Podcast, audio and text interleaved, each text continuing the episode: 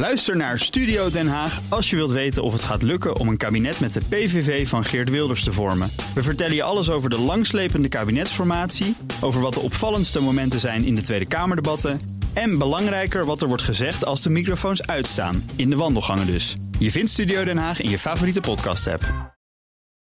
Crypto-update. Met Daniel Mol van de Cryptocast. Goedemorgen, Daniel. Goedemorgen, Johan. Hallo. We gaan beginnen bij FTX, de ja, ingestorte crypto-exchange van uh, SBF, Sam Bankman-Fried. Ja, we hebben nieuws uit de rechtszaal in, uh, in Delaware. Uh, daar kregen we gisteravond te horen dat FTX geen doorstart gaat maken. Nou, voor iedereen natuurlijk heel jammer.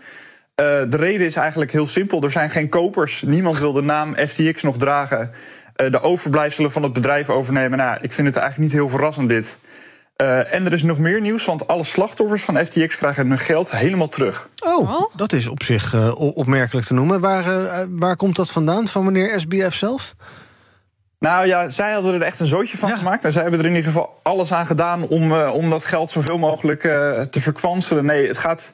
Is denk ik een verdienste van de nieuwe CEO, dat is John Ray. Die vond al best wel wat, wat crypto terug.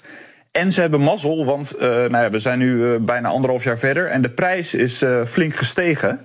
Um, en ze hebben hun aandelen in de Grayscale ETF eindelijk kunnen verkopen. Dus op die manier hebben ze al het geld bij elkaar geschraapt. Het enige wat ik wel hierbij moet zeggen, het gaat om de waarde in dollars. Dus de mensen die het schip in zijn gegaan bij FTX, die hebben nooit kunnen meeprofiteren van die waardestijgingen. Nee, maar die hebben dus wel teruggekregen wat ze er ooit ingelegd hebben. Nou ja, het is een, uh, ja. een troost wat dat betreft. En ook Celsius, dat is dat cryptoleenbedrijf dat vlak voor FTX een kopje onderging. Wat zorgde voor nou ja, veel onrust op de markten. Dat komt nu ook met geld voor zijn slachtoffers. Ja, de, het gaat om zo'n 3 miljard dollar. Uh, vanochtend werd duidelijk dat zij ongeveer 60% van de schade kunnen gaan vergoeden. Uh, dan moet ik dus wel weer bij zeggen, het gaat ook om dollars hier. Um, en daarna volgt er in het persbericht ook nog wel een opmerkelijk nieuwtje. Want het bedrijf gaat een doorstart maken. Wel een doorstart dus, onder de naam Ionic Digital. Nou, zij gaan zich niet meer wagen aan het uitlenen van, uh, van crypto. Maar zij stappen nu in de crypto mining. Oh. En belangrijker nog, zij gaan dan door met het afbetalen van hun, uh, van hun schuldeisers. Dus ja, de komende, de komende jaren zijn zij crypto aan het minen om hun schuldeisers af te betalen, volgens mij. Oké, okay, um, dan moeten we het even hebben over uh, ontslaggolf in de techwereld die gaande is. Dat raakt ook uh, uh, Blok, en dat is het bedrijf van de Twitter-oprichter Jack Dorsey. Wat is, dat, wat is dat ook weer voor club, dat Blok? Ja, nou, ik voel me, als ik hierover moet vertellen, een soort mini-Joe van Buurik. Die heeft het in de tech-update om de havenklap over de ontslaggolf. Uh, nou ja, Block is het bedrijf achter, achter de Cash App. Dat is een soort, soort PayPal dat in Amerika heel erg populair is. En zij bezitten Tidal, dat is die, nou, die Spotify-clone een beetje... Die, die door Jay-Z onder meer werd opgezet, kwam nooit echt van de grond. Uh, en zij doen een hele hoop met bitcoin. En nou ja, zij gaan nu zeker duizend mensen ontslaan, is het bericht. Um, de reden is wel bekend. Uh, de omzet is niet zo hard gegroeid als het personeelsbestand in de afgelopen jaren. Dus er moeten echt wat mensen uit. Ja, dat zien we bijna bij meer bedrijven die eigenlijk wat hard gegroeid zijn en nu dus moeten gaan snijden.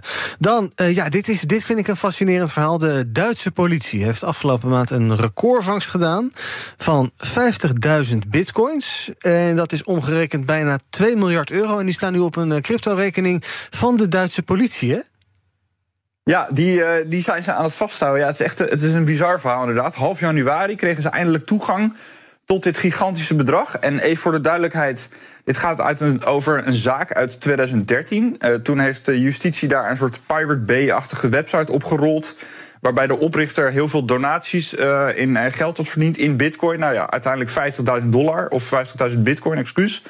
Um, en ja, zo'n tien jaar later heeft die hoofdverdachte nu vrijwillig de bitcoin naar de politie overgemaakt. En dan krijg je dus een gigantisch bedrag van 2 miljard euro. En ze hebben nog niet bedacht wat ze met dit bedrag uh, gaan doen. Maar is dat voor de politie of is dat dan, gaat dat naar de schatkist van, van Duitsland?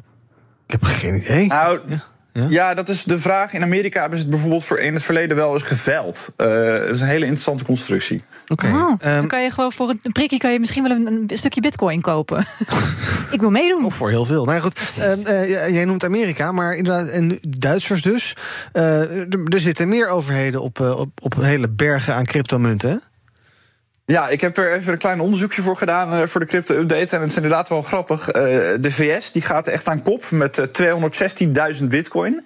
Bulgarije daarna, nou niet het grootste land. Die hebben één keer een hele grote politieactie gedaan in, in 2017. En die hebben 213.000 bitcoin in bezit.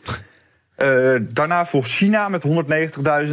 de Britten doen het ook aardig met 61.000. En nu hebben we dus Duitsland met 50.000. En als we dat dan even vergelijken met het Bitcoinland El Salvador, die hebben er slechts 2381. En daar is het aankopen van bitcoin uh, regeringsbeleid. Je kan beter gewoon een hele grote criminele organisatie oprollen. Ja, en Nederland heeft niks. Weet het niet.